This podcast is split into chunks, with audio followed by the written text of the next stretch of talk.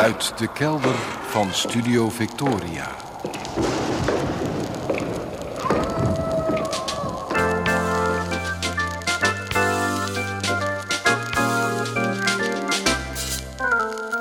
Archief Rijnmond. Oude plaatjes, curieuze opnamen, onbekende teksten en vergeten artiesten uit de regio Rijnmond. Uw archivaris Roland Vonk. Met aflevering 902. Goedemorgen, goedemiddag, goedenavond. En wel ja, nog een gelukkig nieuwjaar. Afgelopen week heb ik weer eens ondervonden hoe het werkt in een huwelijk of meer in het algemeen hoe het werkt in een langdurige relatie. Je bent er om elkaar te steunen en lief te hebben, uiteraard. Maar je bent er ook om elkaar een beetje te corrigeren als je in gedrag dreigt te vervallen waarmee je anderen of jezelf benadeelt. Ik weet dat op zich natuurlijk al heel lang. Dankzij mijn vrouw eet ik bijvoorbeeld veel meer groente dan vroeger en nog maar heel weinig koekjes. Dankzij mijn vrouw ga ik op tijd naar bed en sta ik op tijd op. Dankzij mijn vrouw hou ik soms een opmerking binnen. Dankzij mijn vrouw probeer ik erop te letten om niet zo keihard mijn keel te schrapen in gezelschap. En dankzij mijn vrouw zet ik soms iets, maar niet op Facebook of haal ik het er weer af. En als ik weet dat ik met het een of ander over de scheef ben gegaan, biecht ik het meteen op. Mijn vrouw noemt zichzelf wel eens gekscherend mijn externe geweten. Mijn externe geweten. Andersom zal ik haar ook wel eens corrigeren. Al is dat natuurlijk veel minder nodig. En voor zover ik het doe, is het aan haar om daarover uit de school te klappen. In een goede relatie gaat het allemaal zonder grote conflicten, min of meer telloops en soms ja, zelfs bijna ongemerkt. Maar laatst merkte ik het toch even heel duidelijk. Het ging over mijn kleding. Ik geef heel weinig om kleding.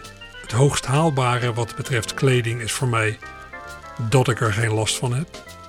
Mode zegt me niks. En voor het oordeel van anderen ben ik vrij ongevoelig. Als het alleen aan mij ligt, ga ik rustig in korte broek naar een gala-voorstelling. Wat ik ook wel eens heb gedaan. Wat kan er verder allemaal misgaan met mijn kleding? Nou, uit mezelf gooi ik kleren niet zo snel in de was. Broeken draag ik rustig weken achter elkaar en shirts dagen. Ik zweet wel heel snel, maar ik ruik bijna niks. Dus het kan makkelijk gebeuren dat ik een beetje een zweetlucht aan me heb hangen zonder dat ik het weet. Soms snift mijn vrouw opzichtig aan mij en krijg ik te horen dat ik nu echt een schoon shirt aan moet. En dat doe ik dan gedwee. Uit mezelf gooi je kleding ook niet zo snel weg. Dat er nauwelijks model meer zit in een t-shirt, dat een polo verwassen is of ja, dat spijkerbroek een scheur vertoont. Nou en. Mijn vrouw maakt er ook geen groot probleem van, maar nu en dan krijg ik de opmerking dat iets eigenlijk niet meer kan en licht tegensputterend accepteer ik ook dat dan maar. Dan pak ik de viltstift met onuitwasbare inkt en zet bij shirts een zwart kruis in de nek. Daarmee zijn het klus-shirts geworden. Shirts die ik alleen nog aandoe als ik in huis ga klussen. Gescheurde broeken gooi ik met enige moeite maar weg. Voor het klussen heb ik een speciale werkbroek van stevig materiaal. Nou goed, van de week was het weer zover. In een trui die ik geregeld draag, ontwaarde mijn vrouw een paar gaatjes. Geen probleem, wat mij betreft. Het deed wat mij betreft geen afbreuk aan het comfort van die trui. Maar het vonnis was al geveld. Helemaal toen mijn vrouw eraan toevoegde. Met zo'n trui ben je net die verzamelaar, die ene vent, hoe heet hij ook alweer? En ze gaf een beschrijving. Ik wist wie ze bedoelde. Een wat smoezelige man. Een man, het zal u niet verbazen, zonder vaste relatie. Een man zonder extern geweten.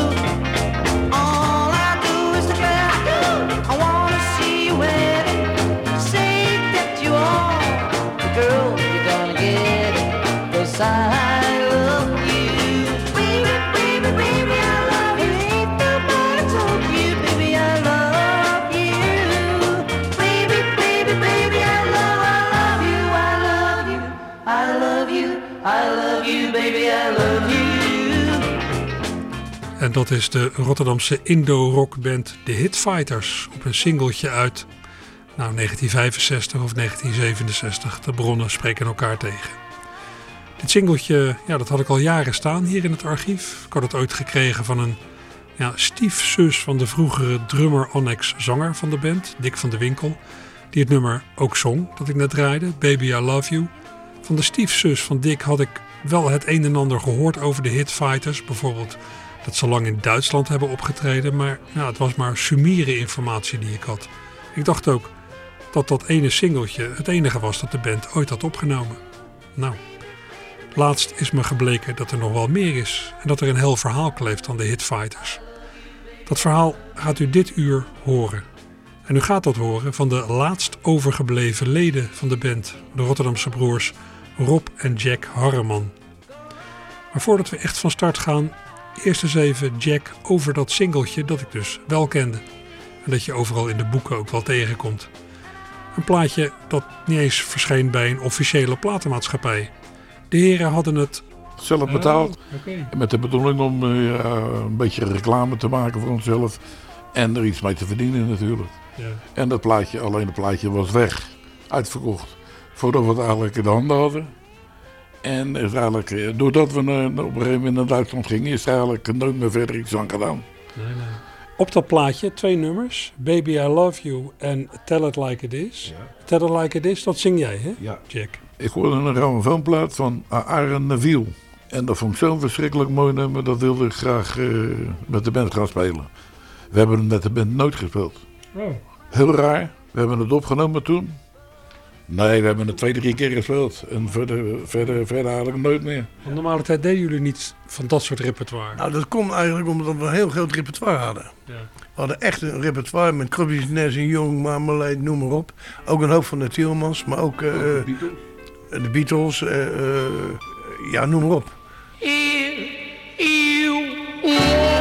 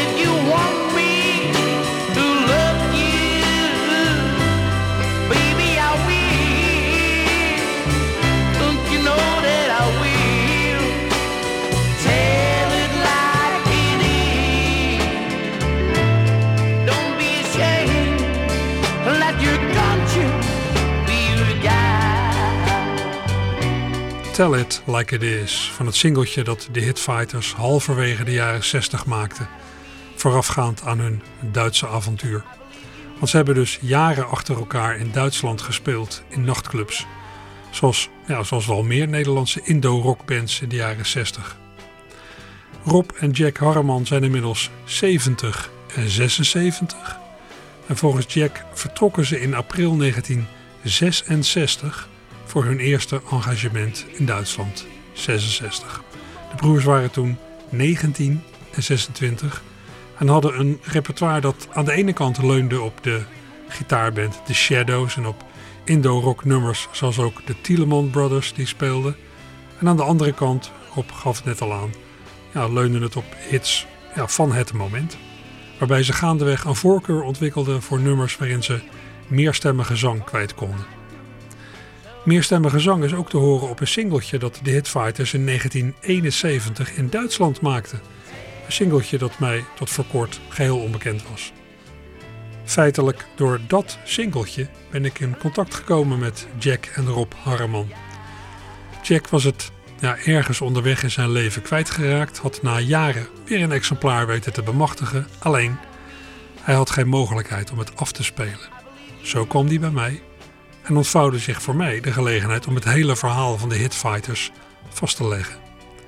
De Hitfighters begonnen als amateurs, zo'n beetje in 1963, met in de groep van de beide broers alleen Jack, de oudste van de twee.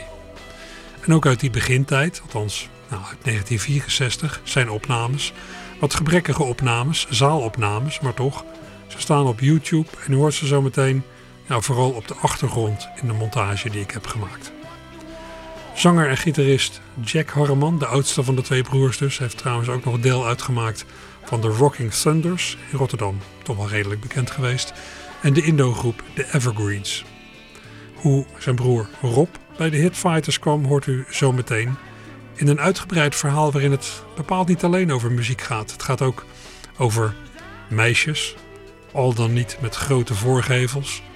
Het gaat over een vechtpartij en over heel veel nachten zonder slaap. Het is een verhaal dat pas ophoudt halverwege de jaren 70 als de broers terugkeren naar Rotterdam. Met enige overdrijving zou je kunnen zeggen: ze gingen naar Duitsland als jongens, ze kwamen terug als mannen.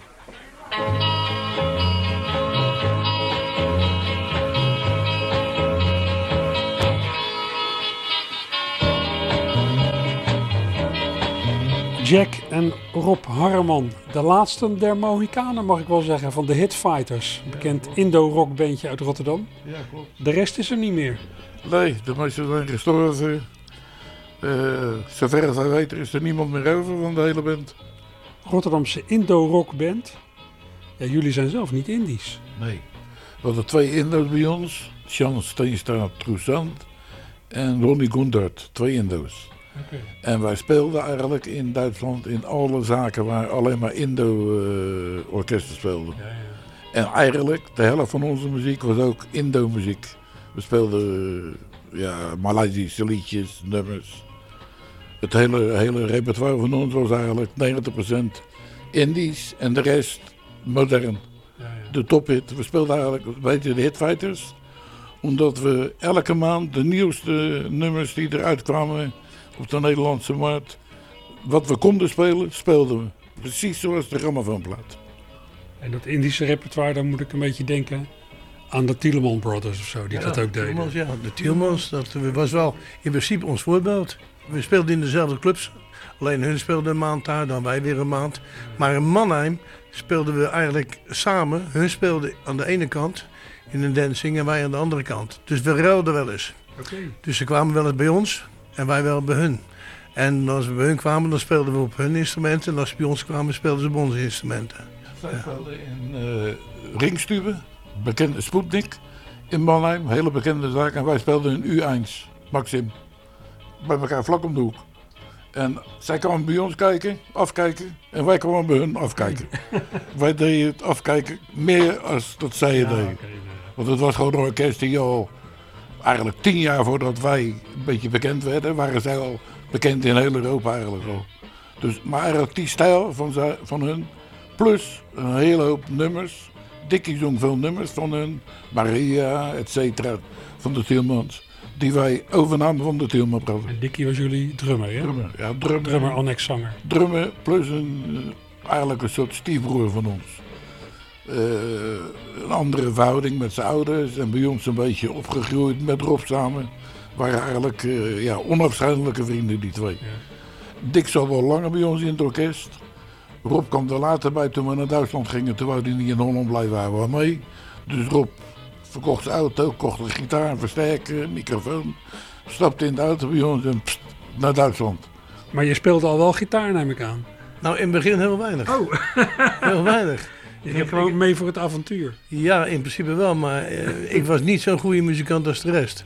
Ik heb het echt aan moeten leren. Ik heb echt uh, dag en nacht moeten trainen om het goed bij te houden. En zeker dat grote repertoire wat, ja. wat ze hadden, dat was in het begin best een beetje moeilijk. Maar ja, ik stal de show. Ik hoefde niet zo op te letten op dat spelen in het begin. Dus ik kon meer naar de meisjes kijken. Hey, ik lees nog even voor. Ja, er is een geweldige site over Indo-rockbeentjes. Daar staat dat jullie in de periode 1965-1968 in bekende nachtclubs in Nederland en Duitsland speelden, zoals Crystal Grotte in München, de Jolly Bar in Hanau, Alt Rijt in Rijt, Romantica in Krefeld, de Penny Club in Berlijn, de Odeon Keller in Heidelberg, het Lido Tanzpalast in Essen en EMI Clubs in Trier, München, Frankfurt, Hanau en Rijn am Main Airbase. En in Nederland stonden jullie onder meer in. Het is een hele lijst, ik lees hem even voor. Tudor Bar, Extase, De Wiek, Café Centraal, Pam Pam Scheveningen, De Fles, L'Etoile, uh, de Blue Angel aan het plein in Den Haag en allemaal losse optredens. Dit klopt allemaal? Alles klopt. Oké. Ja, ik zal je een verhaal vertellen. Wij speelden in De Fles en wat Rob net vertelde, eigenlijk heb Rob van mij het gitaarspelen helemaal geleerd. Want hij ging met naar Duitsland en hij stond op toneel met gitaar uit. Microfoon uit. Hij stond gewoon te playbacken eigenlijk. Precies, hij stond, hij stond gewoon de show te stelen, want we hadden een contract met vijf man. En een van de jongens die bij ons speelde, Ron die Contart, die mocht van zijn moeder niet mee, want hij moest eerst de school afmaken. Dus we zaten met een groot probleem. Rob wou niet blijven werken, hier, die wou mee in de muziek, dus Rob is meegegaan. En elke avond nadat we op, opgetreden hadden, kreeg Rob gitaarles. Het is van een niet-muzikant een superbassist geworden. Dus. Hoe lang heeft dat geduurd? Nou, heel kort. Ik denk twee, twee drie maanden. Toen stond hij hier in Tudor spelen voor de eerste keer. Toen stond hij in Tudor en er kwamen verschillende bands naar ons kijken. Want we waren gewoon een bijzondere band. Vijf man die zongen, vijfstemmig. Dat had eigenlijk in heel Nederland niemand. En uh, hij moest spelen. Want als hij niet speelde, dan stonden gitaristen te kijken op zijn handen wat er gebeurde. Dus toen moest de gitaar aan, plus hij moest spelen. Maar dat is allemaal perfect gelopen. Hij, op een gegeven moment was er een muzikant die we niet meer konden missen. Ja, ja. Een bassist, die, hij nam het over van, van Jerry toen hij wegging. Als bassist. Gewoon, hij was gewoon binnen een week, twee weken was hij net zo goed als Jerry ooit geweest is. Jij was gewoon een geboren bassist zonder dat je het wist. Ja, de ritme had ik wel, ja, dat klopt. ja, het was wel een, een hele aparte tijd voor mij natuurlijk. Ja, en welk jaar was dat dan, dat jij meeging zonder dat je eigenlijk gitaar speelde? In 65. In 65 ben ik... Toen is het hele avontuur begonnen eigenlijk. Ja, in principe wel. Toen, toen ben ik, uh, ja, eigenlijk door toeval ben ik erbij gekomen. En hij heeft me dus uh, opgeleid. Maar je wou niet werken? Nou ja, dat wel. Ik, ik, waar hun speelden, daar kelderde ik altijd. Liep ik als oh, kelner mee. Verdiende meer geld als die gasten met de band. dus ik deed het kelnerwerk daar. Dus overal waar ze speelden, daar was ik kelner. Want hoe is het dan daarvoor ontstaan? Want het, het bestond al voor 1965, dat ja, beentje. Oh, we waren een amateurorkest die, zoals andere orkesten, vrijdag, zaterdag, zondag optreden. Ja. Maar... Waar kenden jullie elkaar nou van? Eigenlijk konden we, kon ik alleen uh, Jerry. Uh, Jan Steenstra, die kon ik. En via Jan Steenstra, die speelde met, met verschillende jongens. Daar ben ik samen mee gaan spelen. En voor die tijd ik was tamelijk bekend omdat ik was op Radio Veronica geweest met uh, Rocking Thunders als zanger. Ja. Toen wist eigenlijk niemand dat ik ook gitaar kon spelen. En uh, van het kijken naar Tielmans en andere bands. Ik was niet zo'n jongen die ging dansen. Nee, ik was een jongen. Ik ging voor een orkest zitten en op de handen kijken wat ze deden. En hoe dat ging. En, uh, en s'nachts als ik thuis kwam. Ik werkte op een pompstation tot zeg maar 12 uur. En s'nachts tot een uur vijf kwam mijn moeder kwam de bed uit om te zeggen dat ik naar bed moest. Want toen zat ik tot vijf uur s'nachts naast hem in dezelfde slaapkamer. Zat ik te oefenen op mijn gitaar, mijn gitaar, mijn gitaar. Net zolang totdat ik uh, ja, ook een goede gitarist was. Zo is het eigenlijk begonnen.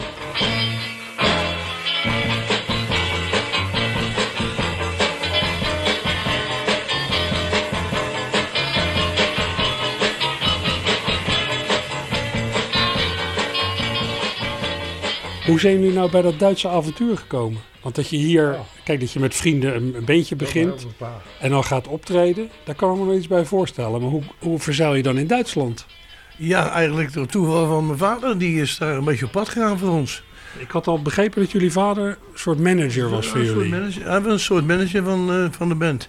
En die is op pad gegaan en heeft wat muziek van ons meegenomen, een bandje en uh, wat foto's, materialen, et cetera. En is op een gegeven moment een beetje uh, in Duitsland gaan informeren. Dus onze eerste maand was in München. Vanuit München heeft hij dus de, de, de eigenaars van andere clubs naar München laten komen om ons te bezichtigen hoe het ging. En door mede van dat kregen we overal contracten aangeboden. Dat optreden in Duitsland, ik heb daar wel eens eerder verhalen over gehoord. Dan kreeg je een engagement voor een maand ergens in de nachtclub of zo. Zo ging het toch meestal? Ja. We kregen een contract voor een maand. eigenlijk niet één vrije dag. En elke avond om 8 uur moest je op toneel staan. Tot s'nachts om 3, 4 uur. Van 8 uur s'avonds tot, tot s'nachts een uur of 4. Ja. Maar die eerste uren is er waarschijnlijk niemand. Bij ons was het altijd vol. Oh. Er waren clubs bij waar we totaal niet bekend waren. Dat we wel eens op toneel gestaan hebben dat er niet één mens in de zaal was. Maar de zaken waar we gespeeld hadden, waar we bekend waren, zoals Hanau. Dat was een gekhuis als we daar speelden.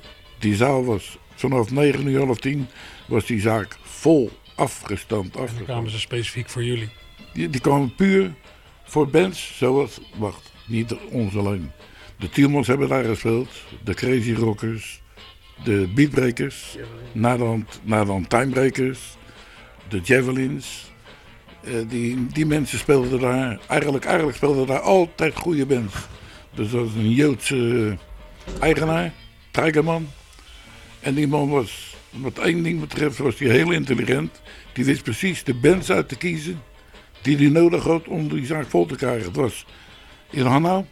Dat was een stad waar vier verschillende Amerikaanse eh, afdelingen van het leger gelegerd waren. Waar je, eh, ik weet niet hoeveel kazernes in de buurt had.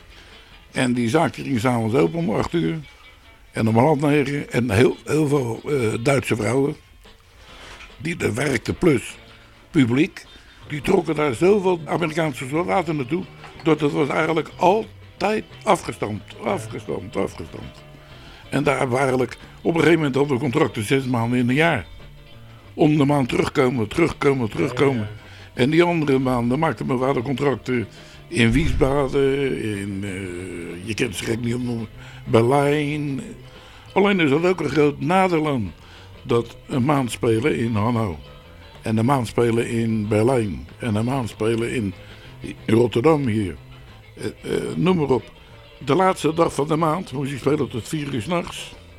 Dan moest je je spul inpakken. Dat was een Volkswagen-bus vol met versterkers, gitaren, orgels, etc. Als je dan ingepakt was, dan moest je ongeveer duizend kilometer rijden naar Berlijn toe. En als je in Berlijn kwam de volgende middag, laat in de middag, dan moest je spul op toneel zetten.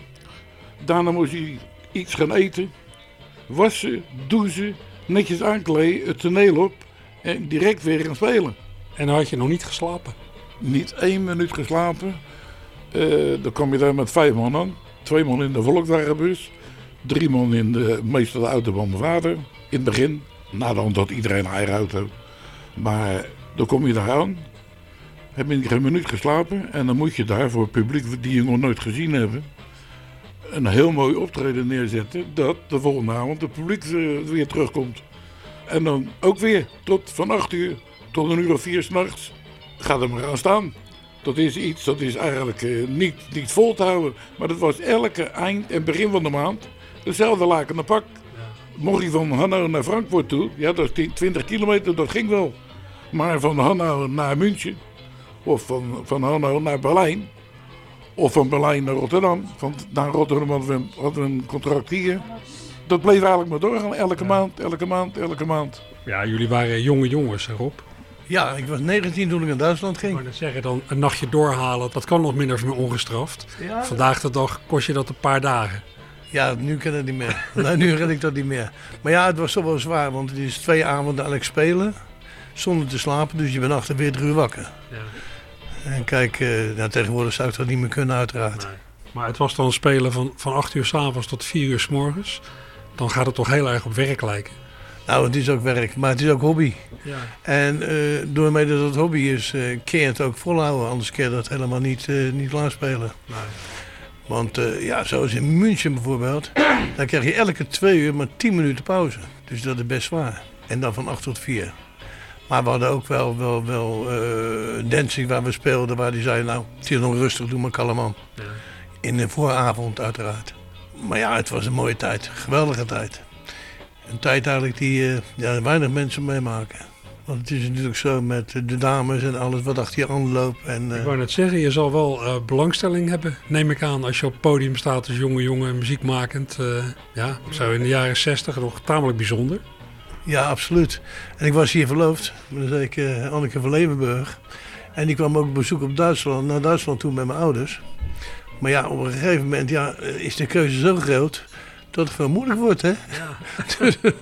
dus, ja, je leeft eigenlijk uh, elke maand. Je kon alles weerstaan behalve verleiding. Dat kon ik nooit weerstaan, ja. Nee, wat dat betreft heb ik, uh, hebben we daar wel een, een heel mooi leven gehad. En de keuze was groot, dus ja, dat heb je wel als muzikant. Dat heb je veel mee. Wat je in het normale leven eigenlijk niet zo tegenkomt. Dus als je zalen speelt, zoals in, in Berlijn, die zalen waar we toen speelden, daar gingen toen, toen al een, een 5.000, 6.000 mensen in. Hè? Ja, in, hoe heet dat ding, Jack? Penny Club, ja. Daar gingen gewoon 5.000, 6.000 man in. Dat was natuurlijk giga. Ja. En dan speelden we met een hele bekende uh, Duitse band samen om beurten. Ja, dat was gewoon uh, een belevenis eigenlijk.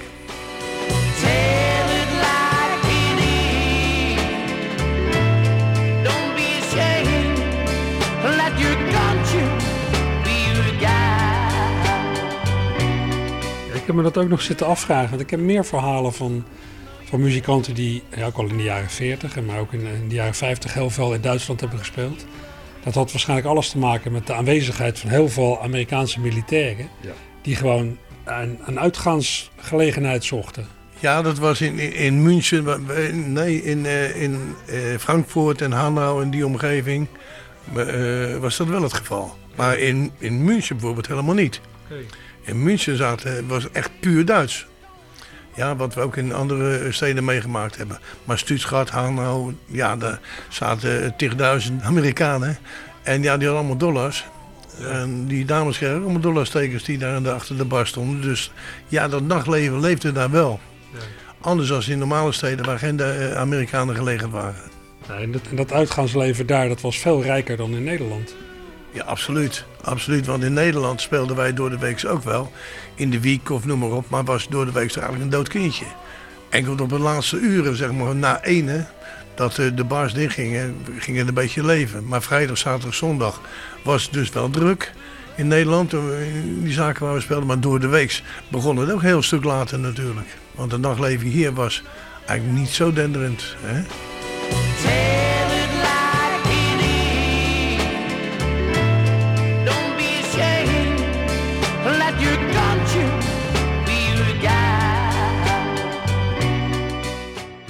Een Amerikaanse zangeres.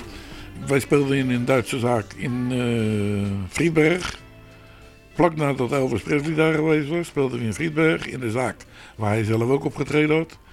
En op een gegeven moment kwam er een, uh, een band binnen die kwam kijken naar ons. En ja, zelf wat altijd gebeurt, bands komen kijken om af te kijken of, of ideeën op te doen. En er was een zangeres bij en die vroeg op een gegeven moment of ze bij ons een nummer mocht zingen. Ze hebben ons gezongen daar. En dat beviel ons zo goed dat ik vroeg aan heb je geen interesse om bij ons te komen zingen? Die is gelijk aan het einde van de maand dat ze klaar was met, die, met de band waar ze in zat, overgestapt naar ons toe. En door haar zijn we eigenlijk in Amerikaanse clubs. Door mede van, van haar en de bekendheid die ze had in Amerikaanse clubs. Ja, dat was een geweldige zangeres wat dat. Chris Gardner. Christine. Op, de, op toneel noemden ze daar Misty. Ze zong uh, Downtown, uh, Stand By Your Man. Net zoals Tammy Wynette. Die vrouw die kon zo verschrikkelijk goed zingen. Uh, ze zong country western. Hoofdzakelijk country western, want ze kwam uit North Carolina. Het was een, was een 100% Cherokee-Indiaans. getrouwd met een, een piloot van het Amerikaanse leger. En na verloop van tijd verloofd met Jack. Serieus? Serieus. Oh. Serieus, drie, drie jaar mee gegaan. Ze is op een gegeven moment naar Amerika gegaan. En toen speelden wij in Spanje. Op een gegeven moment stonden ze weer in Spanje. En, uh, liefde op het eerste gezicht, laten we maar zeggen. Ja. Maar in die muziektijd was liefde op het eerste gezicht eigenlijk iets vreemds. Want dat had je eigenlijk elke dag. Want je, je, je leefde in, in een wereld wat Rob er net eigenlijk al een beetje vertelde. Ik zal iets vertellen. We speelden in Heidelberg. En daar had je banken voor de band. Voor het toneel waar je stond. En op de eerste rij van de banken zaten, ik denk, 15 tamelijk mooie vrouwen. En mooie vrouwen. En die zat eigenlijk te kiezen wie ze zouden nemen voor deze maand van de band. En de band stond naar beneden te kijken zo. Die stond te kijken van, zo, welke vind ik leuk? Die vind ik leuk. Oh, die is nog leuker. En eigenlijk dat was iets Wat elke maand zo'n beetje gebeurde, elke maand opnieuw. Stond je daar. Alleen, je dacht eigenlijk niet na met de problemen die de maand erop kwamen. Want diegene die je dan gekozen had voor die maand, die reisde je dikwijls na, naar de maand die je ernaast speelde.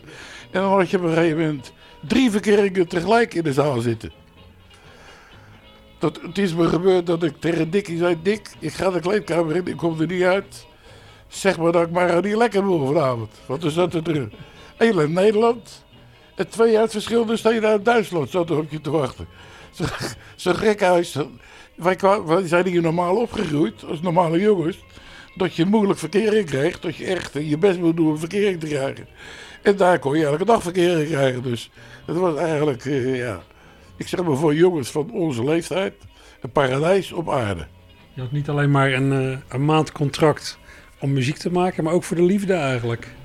Ja, het was uh, een heel apart leven. Op een gegeven moment ben je er wel zat hoor. Op een gegeven moment denk je, nou het hoeft voor mij niet meer. Ja. Ja, zodoende ben ik ook eerder uitgeschreven. En toen ben ik een, een, een soort discotheek begonnen. Want wanneer ben jij daarmee opgehouden, Rob? 74. Toen heb ik een discotheek geopend in, in Duitsland. En uh, ja, dan zijn we daarmee verder gegaan. Toen was ik inmiddels getrouwd. Met een, uh, een, een, een Heidelbergerin. Die is jammer genoeg een jaar of vier geleden overleden. Maar goed. Maar daar ben ik samen mee begonnen. Naderhand is Jack erbij gekomen. En hebben we wat cafés geopend. En een discotheek geopend in Duitsland. Dat was leuk.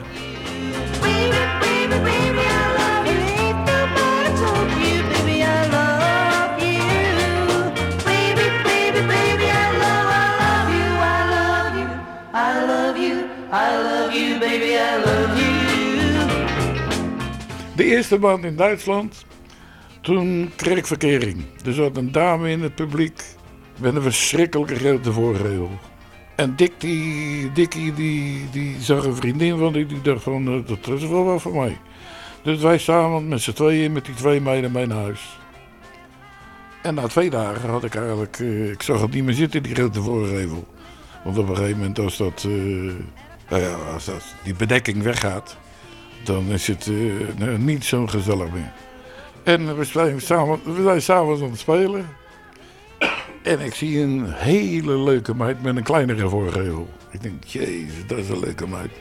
Dus wat doe je? Je gaat daarbij zitten, maar die andere zit ergens anders in de zaal. Die zit mee te kijken. En op een gegeven moment roept ze me en zegt ze van...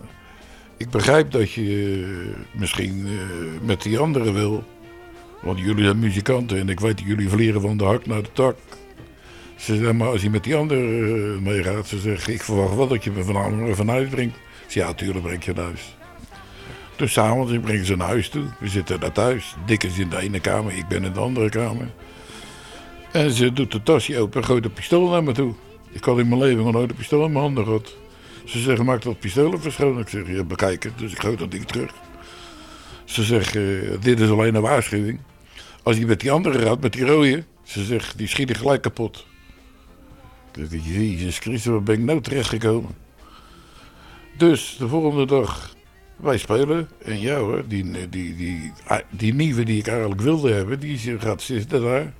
En die andere is een stukje verder. Dus ik naar die nieuwe toe. Ik zeg, hey, Melita, alles goed? Ja. Ik zeg, maar luister, ik zeg, ik wil graag verkering met je. Ik zeg, maar die daar zit. Ze zegt, ja, daar ben je de eerste dag mee gegaan, hè? Ja. Die zegt, uh, als je daarmee gaat, schiet ik ze kapot. Ze zegt, ja, dat is geen probleem. Ze doet de tas op en ze zegt, kijk maar. Ze zegt, zie ik toch terug. nou, vonden wij het al raar. Het klinkt een beetje als een mop. Nou, het is geen mop, want okay. ik, ik zou je nog wel vertellen. Wij komen naar die zaal binnen de eerste dag. Willen onze spullen op gaan stellen. En op een gegeven moment, wat, wat een rare zaal is dat. Waarom is die bühne zo hoog? Dat toneel was, op, hoe hoog? Twee meter? Nou, anderhalve meter zoiets. Ja. ja. ongeveer anderhalve meter hoog.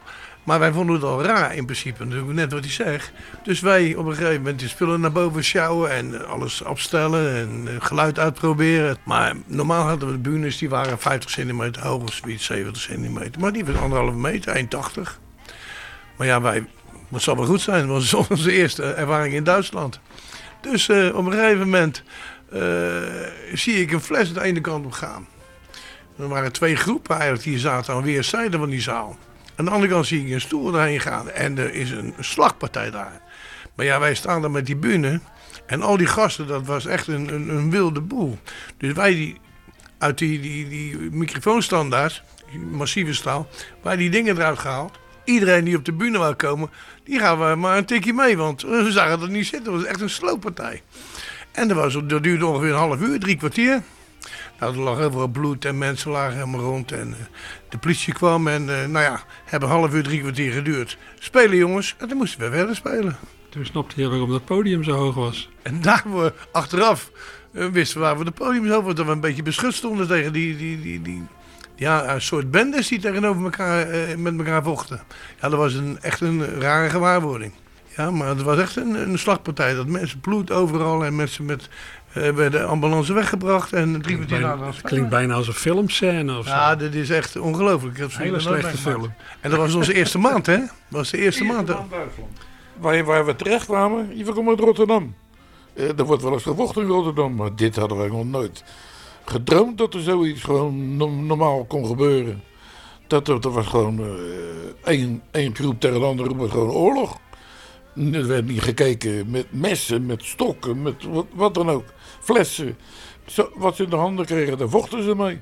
En dan sta je daar tussenin als, eigenlijk uh, naïeve muzikantjes sta je daar op zo'n toneel.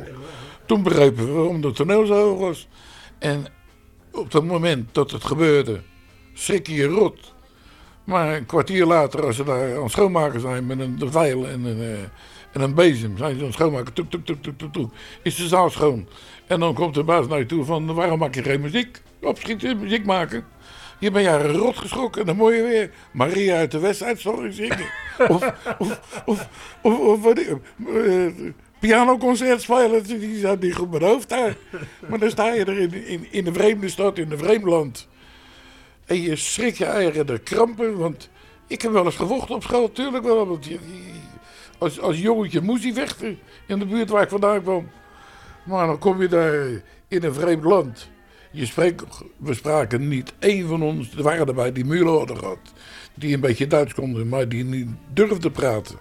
Degene die helemaal geen Duits konden, mijn broer en ik. Wij waren degene die het eerste Duits spraken, omdat we brutaal waren en alles durfden. Maar dan sta je in München, dan zat ik op een gegeven moment in een taxi. En ze vroegen me wat en ik gaf een antwoord. Ik weet nog nooit meer wat voor antwoord. Die taxichauffeur die moest stoppen van het lachen van het antwoord dat ik gaf, ik wist helemaal niet wat ik verkeerd gezegd had. Want we spraken niet één woord Duits.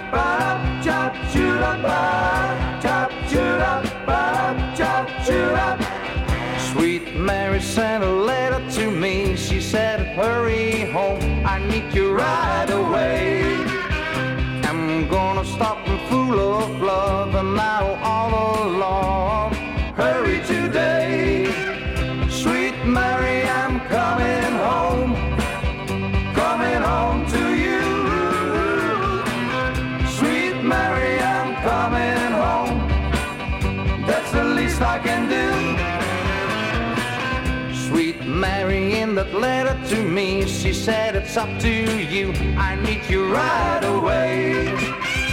And now I'm gotta hop, I'm afraid, by doing four man though.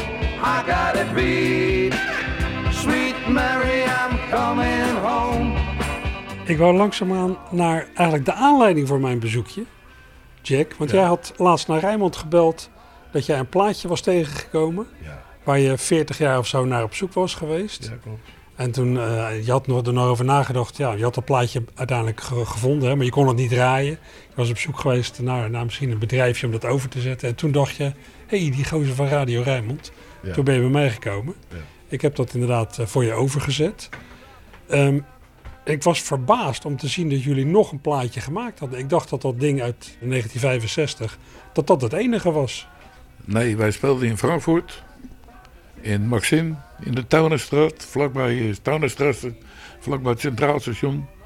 Daar speelden we onder een paar maanden, speelden we daar een keer.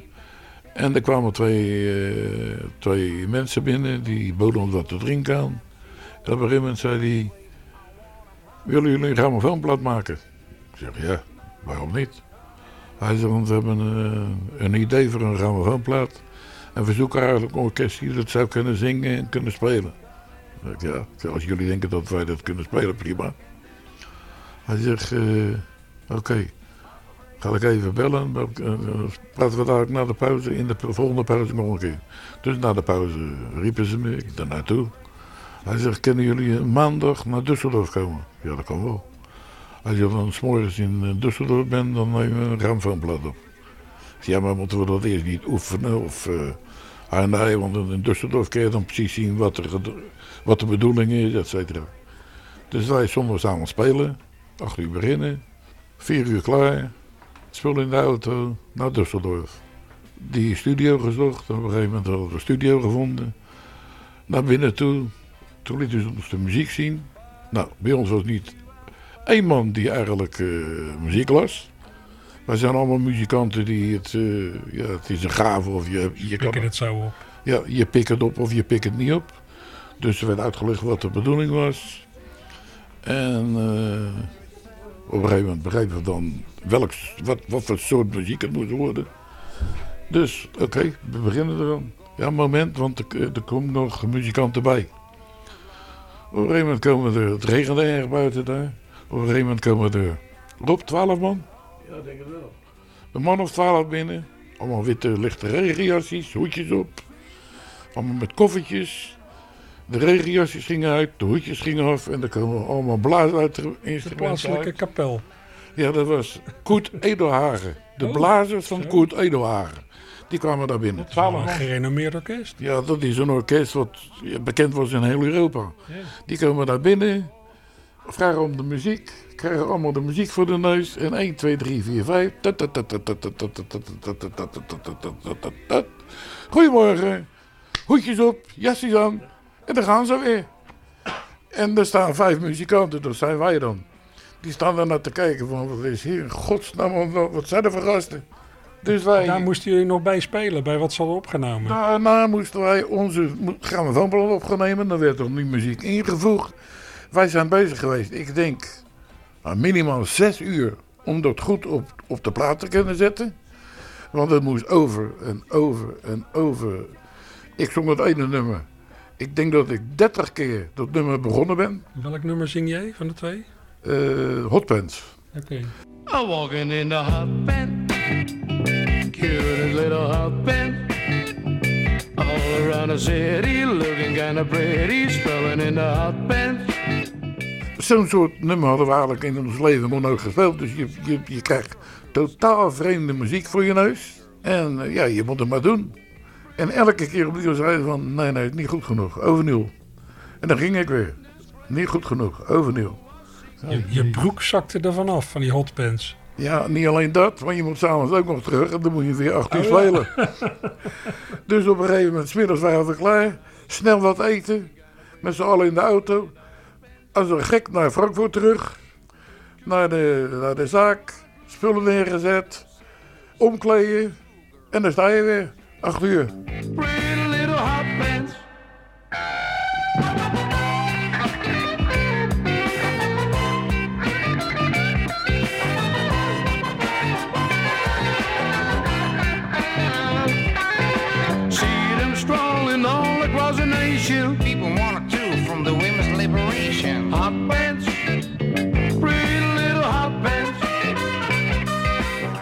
Wat ik me nog afvroeg.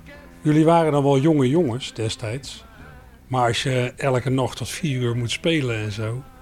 Om, om dat vol te houden. Ik, ik heb vaak van die verhalen gehoord in de nachtclub. Dat, dat lui een, een, pilletje of een snuifje nemen of zo. Of uh, om gewoon maar overeind te blijven.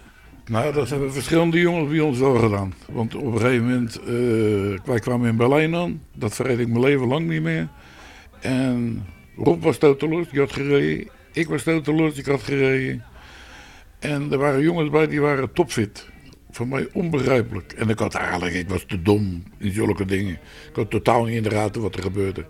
Maar dan bleek dat ze tabletjes genomen hadden. Captagon, Prelodine. Waren twee verschillende die je kon nemen om wakker te blijven. Ja. Alleen zelf, wij zelf hebben ze eigenlijk nooit gebruikt. nooit nodig gehad, want we waren sterke, sterke gasten. Wij werkten, voordat we beroepsmuzikanten werden, werkten we dan s'morgens om vijf uur gingen we de deur uit met pa. We werkten met pa samen. Schilderbedrijf, we werkten hier in de, bij de BPM, uh, eh, Shell. Keihard, altijd keihard gewerkt, aangenomen werk, hard gewerkt. En daarna werkten we, speelden we s'avonds, maakten we muziek. Dus als we thuis kwamen, douchen, omkleden, de verf van je kop halen. En hoppa, naar de, de Wiek of Extase. Of in Dordrecht speelden we in een café, vlakbij het water. Rio Grande. Door de week traden we op, weekenden traden we op. En op een gegeven moment werd het zo erg dat ik tegen mijn vader zei, pa, sorry. Maar dit is voor mij niet vol dit gaat niet meer. Ik, ik, wil de muziek in. Ik, wil, ik, ik kan niet de, de, smorgen vijf uur ons nest uit. Werken. Daarna muziek maken. En de volgende morgen weer je nest uit. En weer werken. En weer muziek maken. Dat ging op een gegeven moment. Was het zo. Je speelde vijf keer in de week. Plus je werkte vijf dagen in de week. Tot een je moet ook nog een keertje slapen. Dat ging niet meer. Ik zag... Ik, ik, was ook, ik ben nog in mijn leven nog nooit zo dun geweest dat ik in die tijd was. Dat het Rob zelf opviel, zei van... Je mag wel eens een beetje beter gevreten toen heeft mijn vader gezegd van, weet je wat? Ik zeg, pa, ik, zeg, ik ga naar Duitsland toe. Dat en dat. Hij zegt, nee, weet je wat je doet? Maak het werk af. Ik ga naar Duitsland. Ik kom terug met contracten. Ja, maar hoe wil je dat dan doen? Hij zegt, eh, we gaan foto's maken van de week. Zijn de foto's gemaakt van de band. Hij is weggegaan met me. Ze zijn samen weg geweest. Ik denk tien dagen. Hij kwam terug en wat een jaar contracten. En daarna is, eigenlijk, is het automatisch steeds verder gegaan en verder gegaan en verder gegaan. Rich girls, poor girls, even little shy girls. Short girls, star girls, make you wanna die girls. Hot pants, pretty little hot pants. We zijn in uh, 76 teruggekomen. Okay. Mijn moeder lag heel moeilijk in Danny Hoed. En dat was niet best. En uh, toen hebben we besloten hier naar Nederland terug te gaan. Okay. Anders had ik misschien nog in Duitsland gewoond, zoals uh, Dick van de Winkel, die nog steeds uh, die tot, tot zijn dood toe in Duitsland in Hardenberg gewoond Ja, ik begrijp nu dus dat jullie na die muziekcarrière nog inderdaad in de horeca zijn gegaan. Ja, maar ik heb in, in Rotterdam ook wel wat winkels gehad. Ik heb de Vagebond een korte tijd gehad. Okay. Uh, de Cheers. Ik heb op uh, Witte de Witstraat had ik wat panden gekocht in het verleden. Daar had ik een Italiaans restaurant. Ja, ik heb wat horeca in Rotterdam gedaan. Ja, ja, Maar eigenlijk toen we teruggekomen zijn, heb ik het meeste gedaan toch in de bouwsector. Waar ik nu nog in zit, ja. Ik ben nu nog in de bouwsector en uh, ik heb uitzendgebied, uh, werk ik met veel mensen, uh, bouwpersoneel, hoofdzakelijk timmerlieden. Ik heb een, een, een 75 80 man in dienst op dit moment.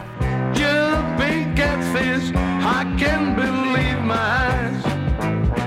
There goes grandma, she found a stars, walking in a bed de mooiste tijd van mijn leven is die tijd geweest. En ik ben, ik ben 76. Als het kon, zou ik morgen terug gaan. Ik morgen weer diezelfde, datzelfde gaan doen ik zeg maar 40, 45 jaar geleden deed. Is het mooiste leven wat er op de wereld bestaat. Swinging in a hot in a hot En dat was het verhaal van Rob en Jack Harreman van de Rotterdamse Indo-rockband de Hitfighters, die dus vooral furore heeft gemaakt in Duitsland eind jaren 60, begin jaren 70. Mooie verhalen van ja, toch wel ouder wordende mannen. En dat was Archief Rijmond voor vandaag. Culturele tips voor de zondagmiddag pak ik volgende week alweer op. Zometeen twee uur lang het opkamertje met een onderwerp dat ja, zo'n beetje in het verlengde ligt van wat u dit uur kon horen. Het gaat zo meteen over The Golden Years of Dutch Pop Music, Nederlandse popmuziek uit de jaren 60 en 70. En daarover ga ik het hebben met de auteur van een geweldig boek. U merkt het zo meteen. Tot zo. Joe.